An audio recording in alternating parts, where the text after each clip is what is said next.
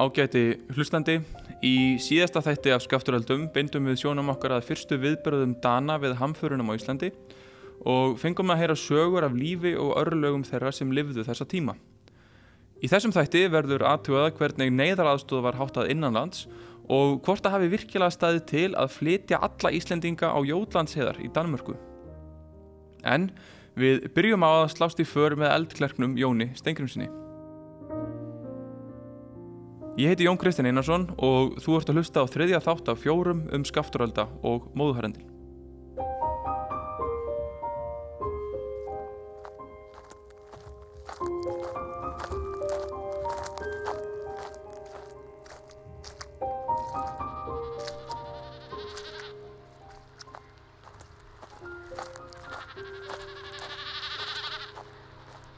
Það líður að sumri, árið er 1784 og við erum stött á Áltanesi.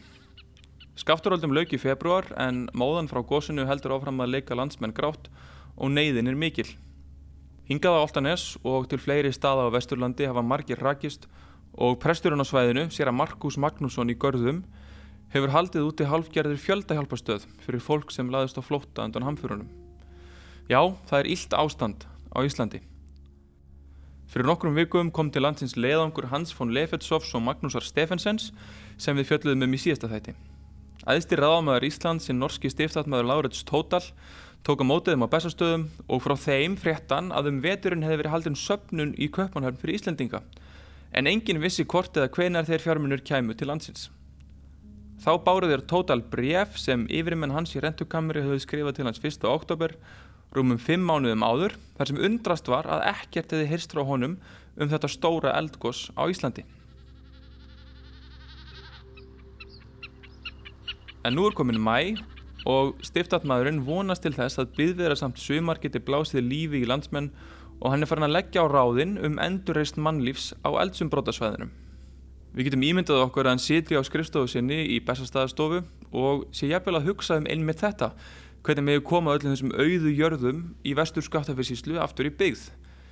Þegar hann kemur auða á eldri mann í slæmu ásökumulagi sem arkar í áttað húsinu. Þetta er síra Jón Stengriðsson, prófastur yfir skattafælistingum. Hann hefur komið yngað fótgangandi alla leið frá vestur skattafinsíslu með viðkomu í skálholti. Síra Jón rekur raunir sínar fyrir stiftatmanni segir frá því að fjöldi sóknarbarna hans hafi dáið um veturinn og byður um styrk svo hann megi haldast við búskapað heimilin sínu prestbakka á síðu. Meðferðis hefur hann bref frá Finni Jónssoni skálarsbiskup þar sem biskup rekur ástandi í vestur skattafellsíslu og klikkir út með stuðningi við Jón Stengriðsson. Ég veiti prófastinum og öllum hans umleitunum mín bestu meðmæli. Og nú bara vel í veiði fyrir stiftandmann. Nokkrum dögum fyrir komu Jóns hafði tótal lagt á ráðunum að senda seðla til vestur skattaférsíslu. 500 manns höfðu flúið sísluna síðan að skatturöldar brutust út, fjöldi jarða stóð auður og stiftatmaður vildi koma þeim aftur í byggð. Viðreistnar áhullun Tótals, ef við getum kallað hana það, fólst í því að senda peninga til eldasveðana, svo hægt verið að kaupa búpenning í nærlengjandi sveitum og flytja til vestur skattaférsíslu. Einhverjir kynnu að halda að þetta hefði verið peningar úr söpnuninni í köpmanhöfnu veturinn sem við fjöldluðum um í síðasta þætti. En svo var hins vegar ekki. Tótal hefði enn ekkert teirt frá köpmanhöfn og enga peninga það hann fengið. Hann bráð því á það ráð að taka peningaseðla úr sektasjóðu tukthúsins við Arnarhól sem er í dagþægt sem stjórnaráðið. Þetta var tölvört fjö, 600 ríkistalir og Tótal vantaði einhvern sem geti flutt seðluna fyrir hann á hamfarasveið. Og nú hafði Jón Stengriðsson, prófastur yfir skattafæðsíslum, skindilega skotið upp kollinum á bæsastöðum.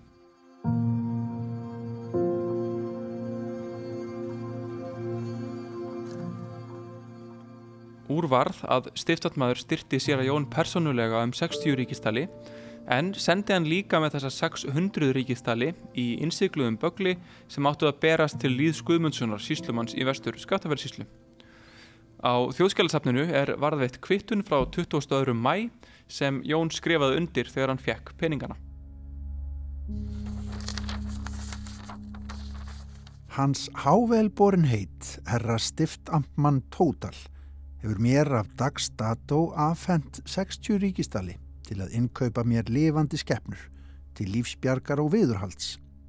Sömuleiðis kennist ég að hafa meðtekið af hendi herrastift Amtmanns einn kassa forsiglaðan með brefum og innslúttuðum 600 ríkistölum í bankóseðlum sem komast eiga til herra síslumanns Líðs Guðmundssonar. Er ég lofa það snarasta get þanga komist að honum skuli greindur kassi með skilum afhendast.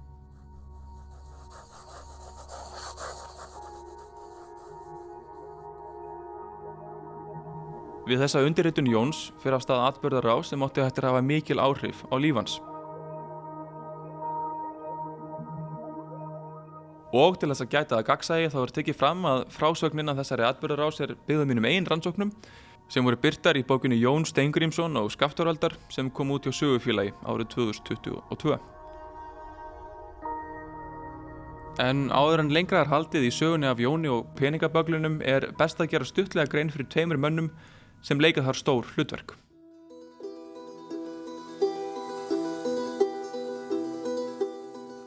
Fyrstan skal nefna Sigurd Ólafsson sem var klausturhaldari kirkjabæðaklausturs.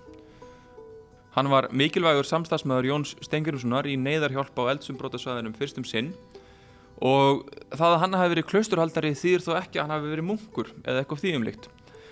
Klaustur á Íslandi voru nefnilega lögð niður við síðaskiptin á 16. öld Danakonungur tók þá yfir umfangsmiklar jarðegnir þeirra og starfsetið klusturhaldari á átjönduöld þýtti einfallega að hann hafði umsjón með þessum eignum, sáum að innhemta leigu og fleira í þeimdur og var því valdamíkill á svæðinu. Í dag væri Sigurður Ólásson sennilega forstjóri í einhverju ríkistofnun.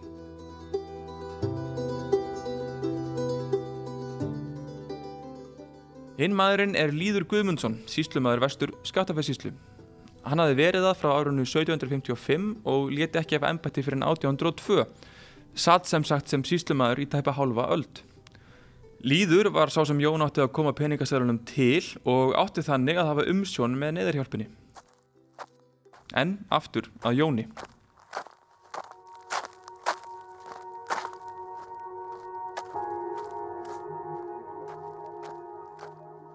Ekkert segir af ferðum hans frá Bessastöðum fyrir hann er komin á Stórólskvól þar sem í dag er kvólsvöllur um tveimur vikum síðar. En þar voru fyrir Jón Jónsson, síslumöður Rangárvallasíslu og fyrirlemdur Sigurður Ólafsson, hlusturhaldari. Og nú dró til tíðinda. Þeir félagar ákvaðu þarna í saminningu að opna peningabökulinn sem sér að Jón hefði lofað að koma heilum til skila. Sigurður klausturhaldari var þá nýkomin að austan og hann fullirti að ekki er þið hægt að kaupa búpenning í austur skattafæsíslu eða múlasíslum og því var eins gott að opna bara bökurinn strax og sjá hvað væri hægt að fá af búfjanaði í Rángarvallasíslu. En það er vist ósamræmi í frásögnum Jóns Stengurinssonar á þessum atbyrði. Við skulum heyra hvað hann hefur að segja um þetta í sjálfsæfisugur sinni.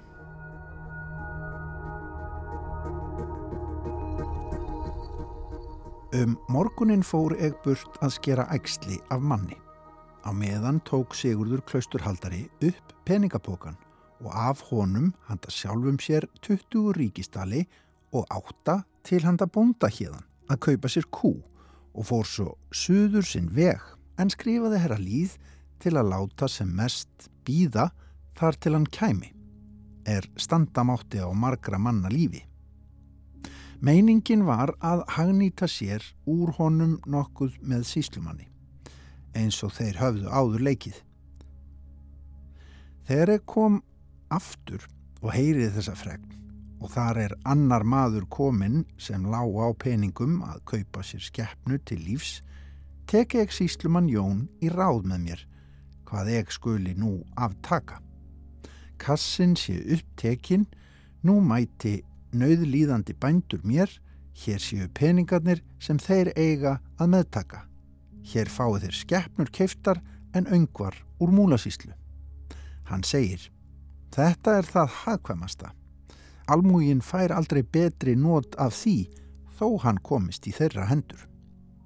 Tók ég svo upp kassan aftur og fór svo hans ráðum fram.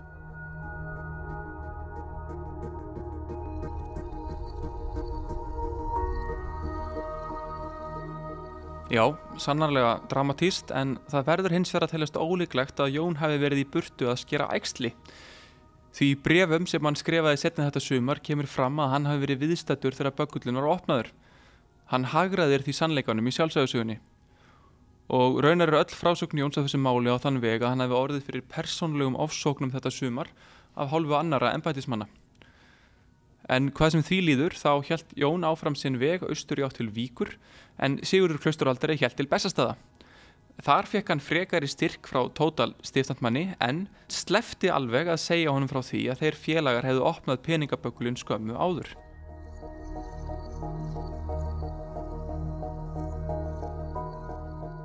Þegar Sigurður fór frá Stórólskóli hafði hann sett innsiklið sitt á peningabökulun og lokað en daginn eftir braud Jón upp innsiklið og styrti tvo menn sem hefðu komið við á Stórólskóli. Og fréttir af því að Jón var á ferðinni með mikla peninga hafa greinilega borist á undan honum. Þegar Jón kom undir Eyjafjöll fór hann að mæta flottamönnum úr vestur skattafellsíslu sem báru sig umlega og greinilega gerðu margir sér um vonur um að fá styrk úr digurum sjóði prófastins. Svo eg útdeildi þeim í Guðsnafni og vonum að há yfirvöld mín mundu það eigi illa upptaka eftir sem bráðust þörf var að halda lífi og fá skeppnur sem margir úr öðrum plássum voru að fala þær og bjóða við þeim. En ég vildi ná sem flestum til sóknarminnar sem nærrim og geta. Og svo fóra þegar Jón kom til Víkur og afhendi líð síslumanni Böggulinn hafði hann útdeilt 245 ríkjusturum, tæpum helming alls fjárins. En hvernig brást líður síslumöður við þegar Jón færði honum marg opnaðan peningaböggulinn? Ekki er allavega að sjá á brefi sem líður skrifar tótalum atvikið að hann hafi verið sérstaklega ósáttur. Brófasturinn hefur í hæstu lífsnöðsinn á sinni leiðhingað greinda peninga útdeilt til gripa innkaups og sem hann sjálfur og klausturhaldarinn Sigur Ólafsson hafa til sín tekið 245 ríkistalli. Það veriðist því sem líður af því sínt aðstæðum Jóns skilning. Jón vill á að meina í sjálfsæðusögu sinni að hann hafi hlotið óblíðar mótökur. Þá eg kom með brefin og kassan með því sem eftir var Jónum að vík til síslumanns fekk ég hjá honum einar þær verstu viðtöktir að ég hefði ei fært sér hann óskertan og svo framvegis. Fann mér nú allt til blams, skammar og líta með peningana meðferð og útdeiling. Tótal stiftatmaður fréttið þó ekki af útdeilingu Jóns alveg strax. Postsamgöngur á þessum tíma voru ekki reglulegar og þeir eru í dag. Það gerði hins vegar þíski aðalsmaðurinn Hans von Lefetsov sem sagt var frá í síðasta þætti. Lefetsov var fulltrúi stiftatmanns á svæðinu og dönsk stjórnvöld höfðu sendan til þess að kynna sér aðstæður. En þetta segir Jónum fund þeirra í sjálfsægusögu sinni sem skrifið er nokkrum árum síðar. Hitti ég nú fyrst stiftamtmann Levetsov sem þó var ei orðin það á sólheimum í tjaldi sínu. Hann tekur mér með mesta ofsa og æði, rýfur í hárið á sér, klýpur í kinnarnar á sér, snýr fingurnar, lemur sig utan, orgar og hljóðar, segjandi Þú hefur gjört eitt óforskamað verk sem þú kant aldrei að forsvara, að þú hefur upptekið stiftandmanns forsigling, etc. Ek svara, allt kann forsvarast nema krímen læsæ majestatis. Hann kváar eftir því hvar af eg sá lærdom hans. Svo segi ég meðal annars, þó eg kunni ei forsvara það fyrir mönnum, veit eg þó að eg kann það fyrir Guði og samviskunni. Hann svarar, Guð og samviskan dugar þér ekkert og þar með hló eg upp úr og saði, ég læt mér það næja einhvað síður.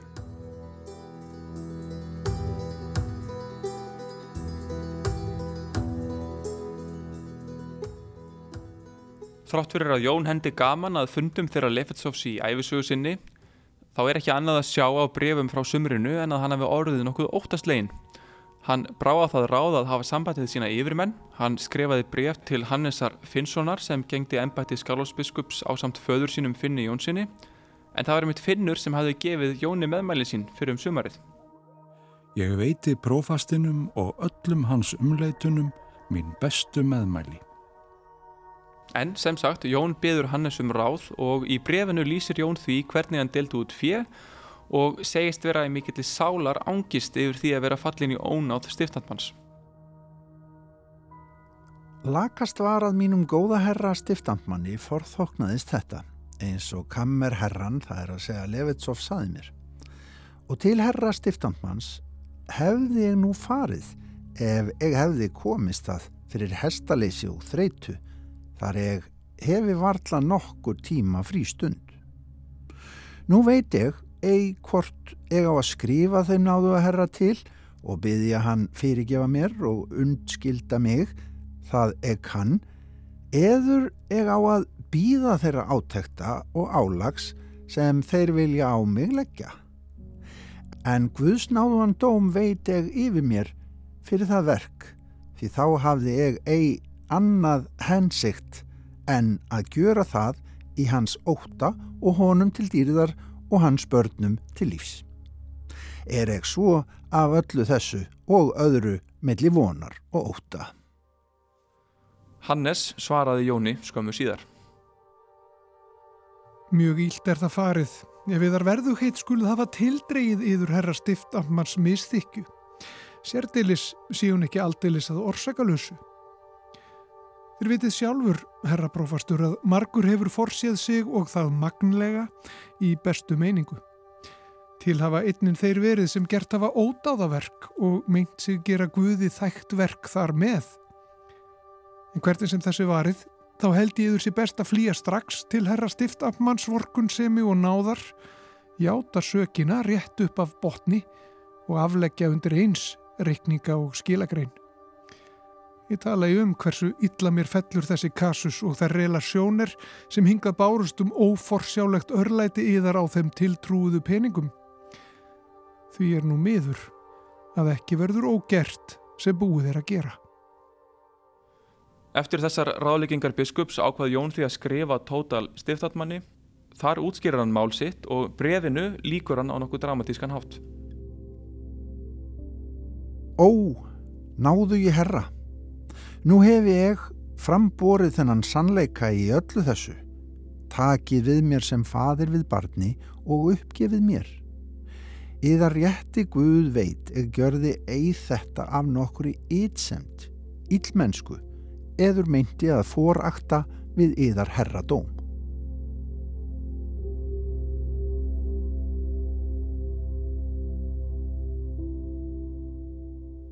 Brefið frá Jóni virðist ekki hafa dugað því nokkrum dögum síðar skrifaði Tótal bref til rentukamersins í Kaupanahöfn þar sem hann skammast yfir aðgjörðum íslensku empatismannana og svo að segja kærir Jón Stengunsson.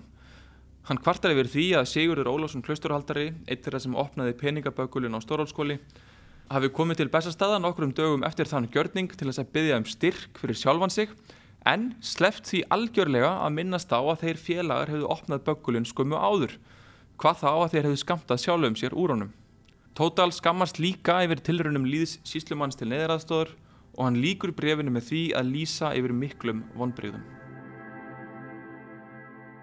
Ég gerði mér miklar vonir um að þessi aðgerð gæti verið áhrifarík leið til þess að bæta líf íbúa skaftafelsíslu. En nú er ég leiður yfir því að hafa treyst þessum mönnum fyrir peningunum og að niðurstaðan skuli hafa orðið svona slæm.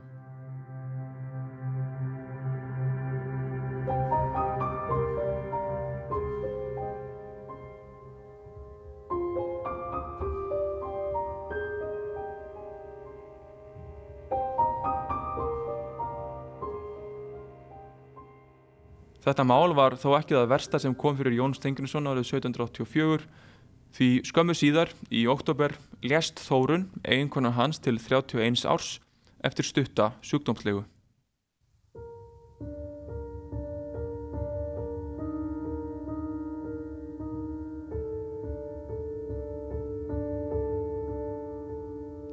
Frá þessum haustnótum 1784 til vossins 1785 átti ég eina þá allra daufustu æfi sem ég hefi aflifað. Þá eg misti mína ágætu konu, fjall mér svo að segja allur ketill í eld. Eg fekk það allra sterkasta óindi og svepleysi sem verkaði hjá mér skadlega þanga og allskins handa freystingar. Eg var ljós feitis laus og var því að rorra uppi í sífeldu myrkri. Varð fólk mitt að vera í fjósi vegna mjölkurpennings og þjófa umferðar og þar varð eg að liggja og sitja í kreppu. Í dýralofti svaf eg þó um nætur og helga dóttir mín. Í bænum sem nú var auður var herfilegur kuldi. Þó hafði ég skemmtun að sitja þar löngum hjá rúmi mínu til forna og lesa Guðs orð.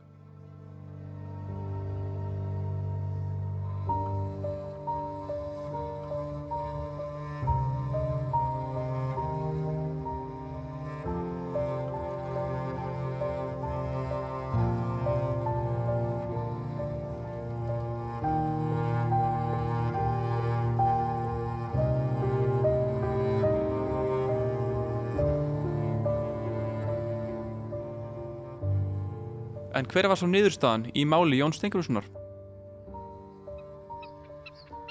Sumarið eftir, árið 1785, bárust svör frá ráðamönnum í Köpmannhöfnum Brót Jóns og var stiftatmanni og skálarsbiskup í saminningu falið að ákveða refsingu fyrir hann.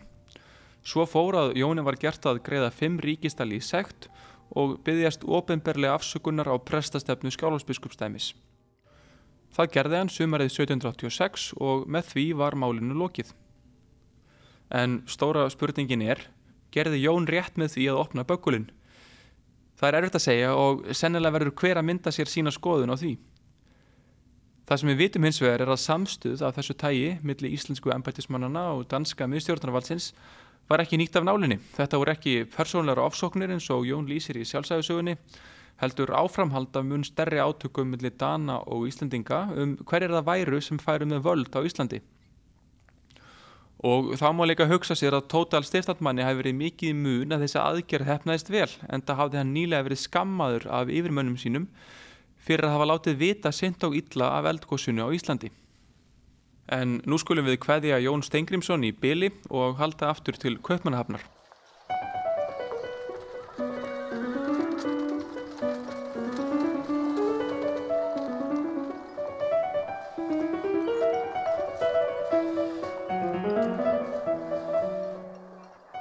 Eitt af því sem er hvað ótrúlegast við móðuhannundin er að það væri raunin ekki fyrir en sömarið 1784, nokkrum mánuðum eftir að góðsunu laug sem ráðamenn fór að gera sér grein fyrir því hvers slæmt ástandið á Íslandi raunverulega var.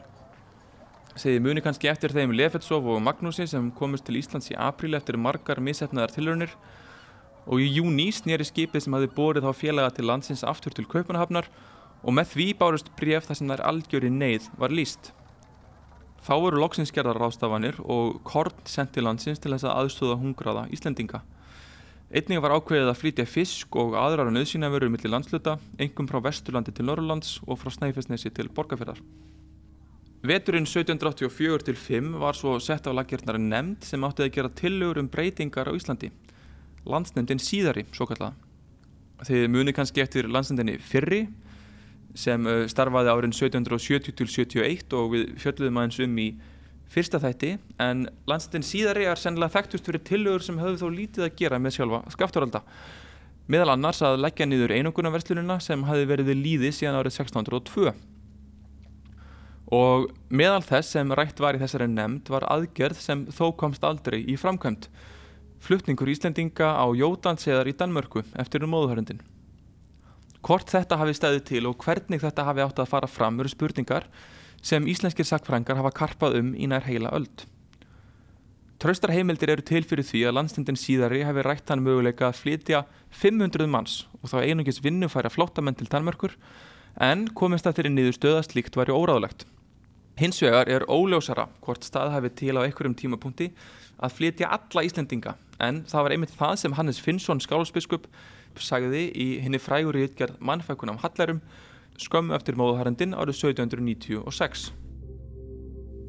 Það er ekki að undra þó Ísland hafi helst af útlendum verið svo hart álitið að jafnvel 1784 var komið fyrir alvöru í tal að sækja allt fólk úr landinu til Dammerkur og gjöra þar af því nýbílinga.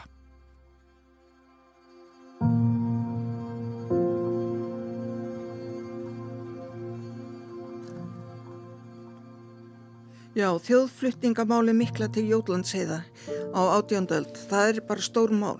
Að því það er ekki svo mörg mál finnst mér í Íslandsugunum þar sem margir fræðimenn hafa virkilega sko eh, tekist á og skipst á skoðunum.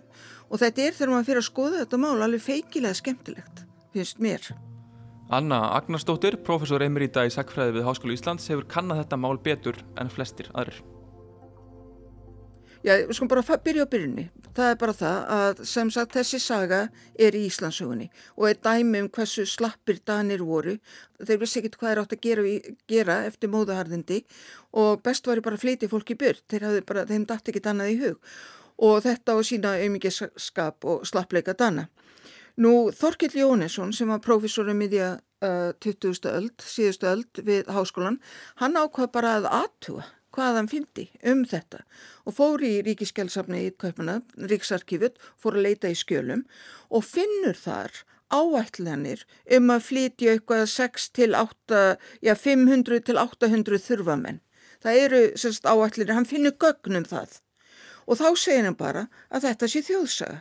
Að þarna það átti aldrei að flytja aðra en, en þessa 5-800 menn og þetta sé bara, sagt, bara miskilningur, þjóðsaga, svona bara stækkað í hvers skipt sem sagt er og svo framvegis og segir að þetta sé bara tómvittlisa. Og svo kemur Sigurður Lindahl og fyrir að skoða þetta og mér hefði sagt að segja greinina Sigurðar í skýrni, mér finnst það frábær, mér finnst það rosalega gaman að lesa hana þegar ég las hana í fyrsta sinn, að því hann bara hreinlega tekur á þessu með algjörlega samkfræðilegum vinnubröðum. Hann skoðar heimildarmennina, skoðar hvað þeir segja, meta hvort þetta sé hvort þeir séu tröstir eða ekki og kemst að þeirri niðurstöða þeir séu tröstir og ef að þeir eru ekki tröstir þá er bara ekkert tröst í sugunni. Þannig að ég var eiginlega mjög, mjög hrifin að þessari grein uh, Sigurðar Lindahl og ég passaði upp á þarna þegar ég var að kenna, láta alla nefndu lesa þessa grein. Að því mér finnst hún bara svo góð um sagfræðilega aðferðafræði.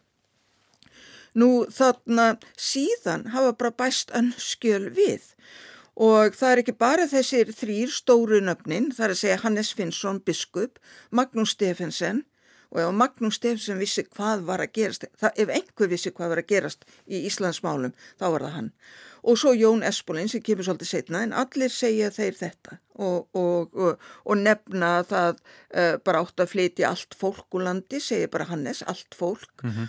og Magnús Stefensen segir óveblefnu mennesker, bara allir sem hafa lifað þetta af og uh, Jón Esponin segir bara að flytja allt fólk, mm -hmm. þannig að þetta er mjög afdráttalöst. Og þeir tala um eins og þetta hafi verið tilvistalegt spursmál fyrir já, Ísland. Já, að það var ekki, sko þeim dætti ekki þannig í hug, það verið bara best að flytja fólkið og þarna og þeir voru með ágætisplön að sitja þetta fólk nýra á Jótlandsheiðar eða annar staðar en allavega sko þessir þrýr þeir segja ekkit frá Jótlandsheiðum en svo finnum maður bara gögn hjá Jóni Sigurssoni Og, og svo er það álitsker skúla Magnússonar sem er líka samtíma heimild og hann segir að það átt að flytja 10-20.000 manns og það er nú bara hálf þjóðin á þessum tíma.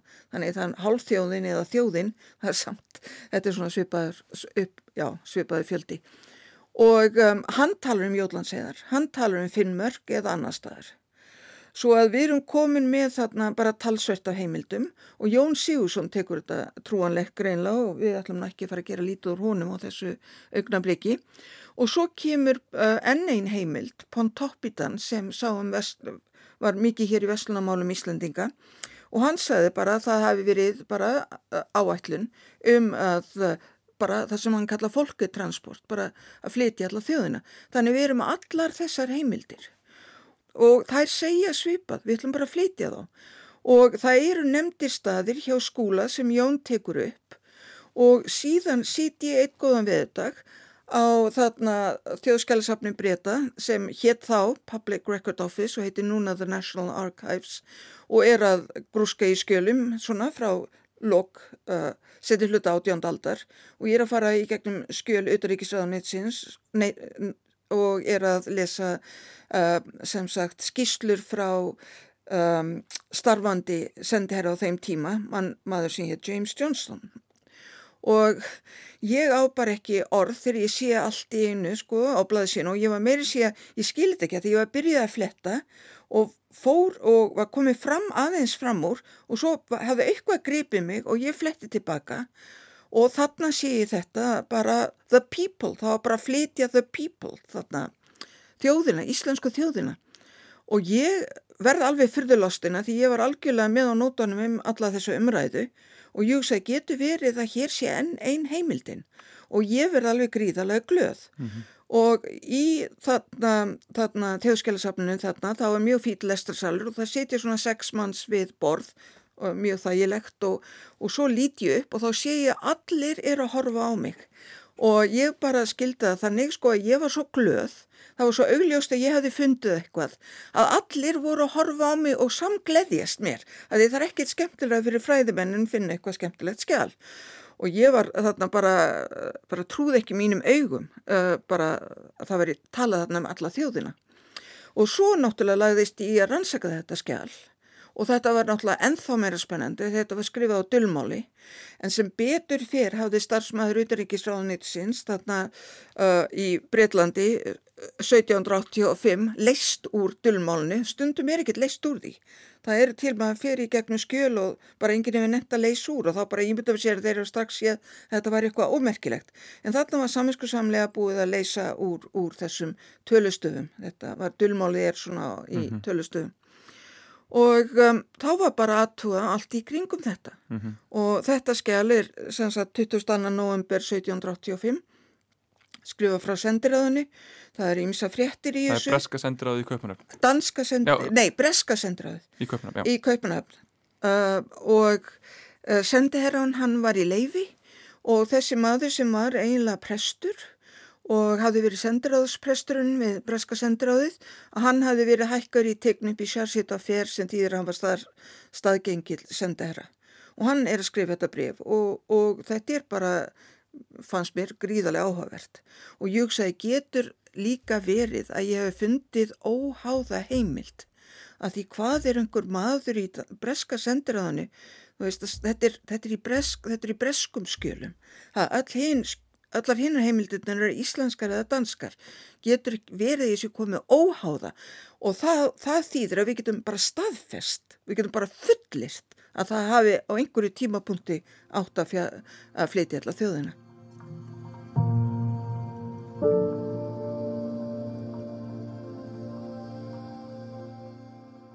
Og svo fyrir ég að leita James Johnston og það gengur mjög vel, maðurinn er þekktur og gengur vel og þá verði ég fyrir bara smá áfalli.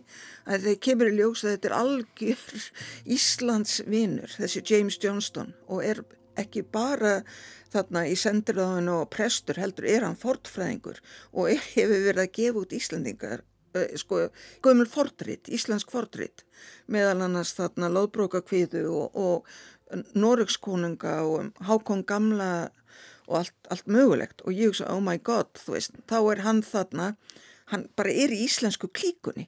Auðvitað hittir hann Magnús eða, eða Hannes eða Skúla og þetta er svo lítil uh, kaupanarfnum var ekki það stóru á þessum tíma og við þekkjum það bara alltaf þegar bara í dag Íslandíkar eru einhver stöður að læra kom allir námsmenn saman, þeir vita hver öðrum þeir hittast og svo framvegs þannig að menn sem eru með sömu áhámál þeir bara hittast mm -hmm. þannig að þá náttúrulega varði ég bara að leiða huguna því að James Johnston hefði sennilega hitt Magnús sko Magnús og Skúli voru báðir í Kaupmannab þennan vetur 1785 þegar skíslanir skrifuð til, og 1786 til að landstemdi sest niður og fyrir ræðu þetta í fyrsta sinn mm -hmm. og þannig að ég get ekki fullirt að þetta sé óháð heimild, mér finnst það vera Já. en það sama, þetta er allavega ein heimild til viðbótar og um, ég er bara sko, ég hef ekkit breytt um skoðun sko, ég var að, það eru komin 30 ár síðan ég var að rannsaka þetta og Ég bara stend enn við að ég held að þetta hafi verið. Og sérstaklega þegar nefndir Jódlandsheiðar og til dæmis Sigfús haugur í mjög fínum greinum það sem er, Sigfús skrifur þessar flottu greinar og kemur kemst að þver öfugri niðurstöðu við mig og Sigur Lindahl mm -hmm. en hann segir sko að já að Danir hefði um, reynd að fá þíska bændur frá Sleisvík og Holtsettalandi á átjóndöld til Jótlands heiða til þess að, að uh, rækta gjörðina því þeir voru bændur og það hefði mistekist. Þess konar myndi er ekki gerð aftur. Mm -hmm. En ég hugsa alveg öfugt. Ég segja ok, þeir eru búin að reyna þetta. Þeir hafa áhuga að heiðarnar séu ræktaður upp og fyrst þó, ok, það tókst ekki með þessu holdsetumenn eða holdseta en hvað með Íslandíkana? Það múin alveg prófa þá mm. og þetta sé verkefni sem þarf að vinna þannig að þetta er bara praktíst. Flytjuðum bara, koma hér, rækt upp Jótland og allt verður í himnalagi fyrir okkur og þá.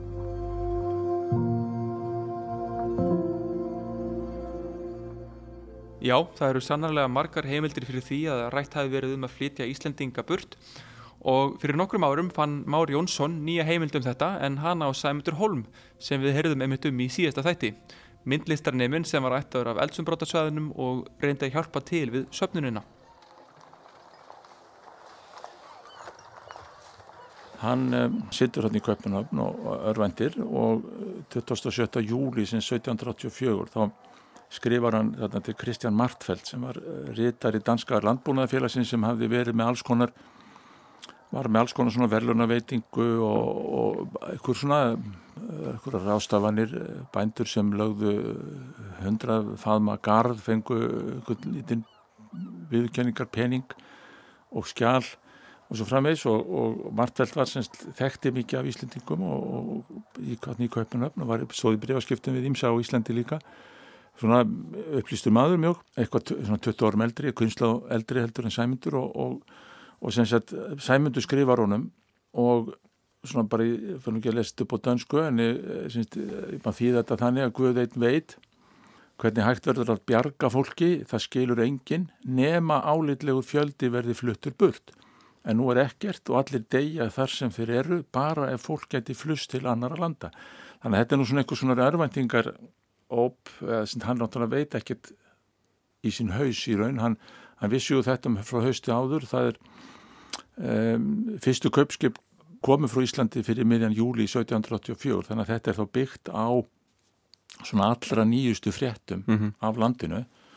Uh, og lýsir þá ástandinu svona vorið fram á sömar 84 og það er auðvitað ílt ástand, skeppnufellir, mannfellir og uh, eitur gufur og, og uh, á Norðurlandi og, og kindur meir og minna allar döðar og fjöldi hrossa og sæmundi líður þarna eins og Ísland sé á barmi eðileggingar og að, syns, þetta hafa aldrei verið jafn slæmt frá upphafi byggðar sko, þannig að hann mm -hmm. er hann er svona í örvendingakasti og sko svo, maður veit ekkert sko það er þetta þessi þessi þráláta sögusögnum að það hefði staði til að, að flytja alla eh, og þetta er nú eina af þessum á Jólandsseðar? Já, Jólandsseðar, þetta er nú eina af þessum klísjum sem uh, fræðumenn uh, ráð ekkert við að, að hveða í kútin og vilja nú sömur fræðumenn bara slá sér til rittara með þessum fullirringum sko en, en semst, það er þetta, þessi kvittur hausti 1783 að, að, að það stæði til að flytja alla Íslendinga á brott og það er náttúrulega fyrst og fremst þetta sem Anna Agnarsdóttir hefur skrifað um að að, að sendir á smaður í breyta sem segir þarna hafi, hafi, honum skiljist að nýlega hafi verið rætt um að semst tæma eða flytja íbúa Íslands burt og, og til annar að hluta í hennu Danska ríki. Og svo sagt eru menn að skrifa um þetta, þetta Karl Pontoppidan og Hannes Finnsson 1792-96 en sem sagt þegar gagnur skoðu það, það litla sem til er um þetta þá er, þá er semst meðal ennbætsmanna aldrei rætt um annað en að, að flytja nokkur hundru manns mm -hmm. úr landi sem ekki gáttu unnið fyrir sér að fengja aðstofa ættinga það er verið að það sem núna ómagar, sem, sem fólk sem ekki gætt séð, séð fyrir sér eða ekki gætt fengið aðstof að, að, að taka þá og semst, það er þessi Jón Svensson yngri síslumæður sem var bróður landlagnis síslumæður Suðmúlasíslu hann lagði til 10. júni 1784 semst um svipar leiti þannig að fólk er eitthvað svona spái, menn er að spá í þetta sem einar ráðstöfun af, af, af mörgum að, og hann talar um vinnufæra flakkara að þeir, þeir eru fjarlægðir það er meira til þess að losna við þá bara til þess að, að þeir, þá er það hægt að passa betur upp á, á hina sko, þetta heitverða bjargflóta fólk. Og það er, það er þarna umræða um þetta innan danskra stjórnsýslu en Jón Eiríksson skrifaði ítarlega raukstunning í janúar 1785 gegn þessu að flytja sko fjölda bjargflóta fólks, það var aldrei rætt um að, að flytja alla en það hefði það orðið, það væri þá aðgerð sem hefði verið á heimsvísu og, og ekki, bara ekki, ekki um óhugsend að nokkur mann, manni hefði dottið það í hug.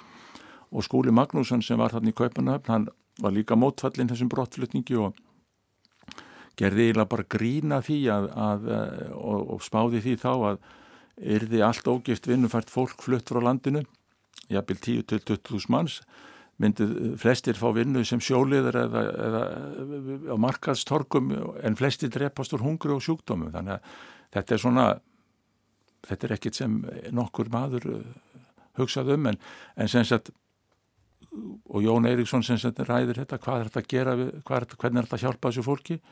Og, og, og þá er, var þá niðurstaðnöð að reyna að senda eins og verður sjálfs líst í þessum þáttum sem hversu svona heldur báborinn svo neyðarástu var en, en mm -hmm. það er það sem það sem, eh, það sem, eh, það sem varð úr og, en sem sagt Sæmundur eins og hann orðar þetta þá sem sagt eh, kemst næst því á öllum sem hann var skrifað að vilja sem forða öllum burt en, en hann gerir þetta auðvitað í svona geðsræringu yfir eyðingu sinna heima slóða og hann segir að hvergi fegura á Íslandi en í meðalandi og svo andlátt móður sinnar þannig að hann sér þetta í einhverjum hann er hann í einhverju bara uh, hugar ángur og myrkri að, að láta sér þetta þetta í hug sko. einmitt.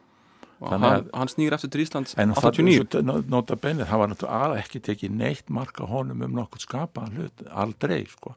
Þannig að menn, það, hann alveg saman hvað tilugur hann lagði fram að það var allt uh, það var aldrei hlusta á hann sko, það var náttúrulega var náttúrulega svona bitur og kendi alltaf Jónu Eiríksinni um það og var einlega næstu því kátu þegar hann draf sig sko.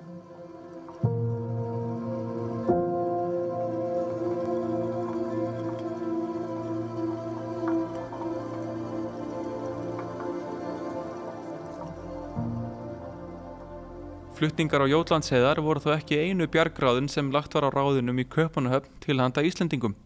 Í byrjun árs 1785 var ákveðið efna aftur til fjársöfnunar og nú náðu hún ekki bara til kaupmannahafnar heldur til alls danska ríkisins. Næstu tvö árin streymdu peningar til söpnunarinnar og alls muni hafa sapnast rómlega 30.000 ríkistalir. Á ríkisskjálarsafni Danmerkur eru varðvettar heimildur um þessa söpnun og þar sést meðal annars að ýmsir enga aðilar lögðu henni lið en líka frímúrarar í Slesvík sem sendu Íslendingum alls 428 ríkistali. En hvað var eiginlega gert við þessa miklu fjármunni sem var sapnað fyrir Íslendinga? Stuttasværið er eiginlega ekki neitt. Hlutað þeirra var værið til þess að senda timpur til landsins og kaupa búfjönað á Íslandi á árunum eftir móðuhærendin og það var út af fyrir sig förðuleg ráðstöfun því Íslendinga vantaði ekki reyðufjett til þess að kaupa og færa skeppnur sem ekki voru til milli landsluta heldur vantaði á einfallega mat. Skúli Magnússon landfóketi kvartaði einmitt yfir þessu við stiftandmann árið 1787. Engin á Íslandi getur keift búfjennað í nokkuru magni því hverki nokkur staðar hefur fólk fullan bústofn. Ef fólk getur látið eitthvað af hendi þá skeiðu það einungis fyrir vinskap. Afgangnum á söpnuninni var hins vegar haldið í Köpmannahöfn og hann var lagður í svonendan kollektusjóð sem áttið að koma Íslandingum til bjargar í framtíðar harðindum. Það kom vissulega fyrir að það var í gert en hann var aðalega notaður í annað. Kollektusjóður var til dæmis notaður til þess að greiða fyrir landmælingar við Íslandi byrju 19. aldar og 15.000 ríkistalir voru teknir úrunum árið 1844 til þess að byggja lærðaskólan. Jón Sigurdsson fórseti myndist á kollektusjóðun í grein í nýjum félagstyrtum árið 1862. Í fyrstunni var sapnað almennum gjöfum til að bæta úr henni almennu neyð. En í stað þess að verja gjöfunum eftir þessu, hjælt stjórnin mest öllu eftir og lísti því að það skildi vera til styrtar landinu síðar í almennum nöyðum. En nokkru eftir sóaði hún sjóði þessum til annars. Það má segja að þarna hafi Jón Sigursson sleið tónin fyrir síðari umfjöllunum viðbröð dana við móðhærundunum og sennilega hefur þetta viðhorf litað sögurskoðun Íslandinga á þessum hörmungum til dagsins í dag. Helviti stanirnir, einogunarveslunin og allt það.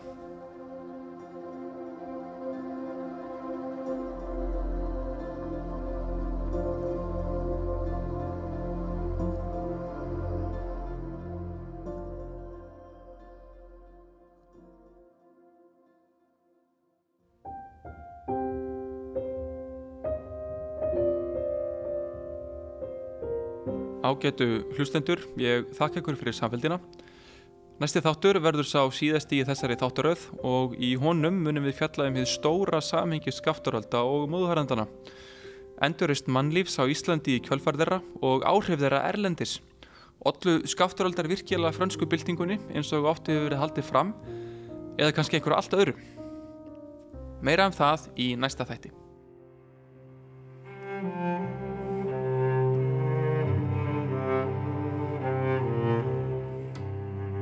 Þáttaröðin Skaftáreldar er framleitt af Rás 1, umsjón og dagskrargerð Jón Kristinn Einarsson, rittstjórn og samsetning Gíja Holmgirsdóttir, tæknimaður Lítiða Gretarsdóttir.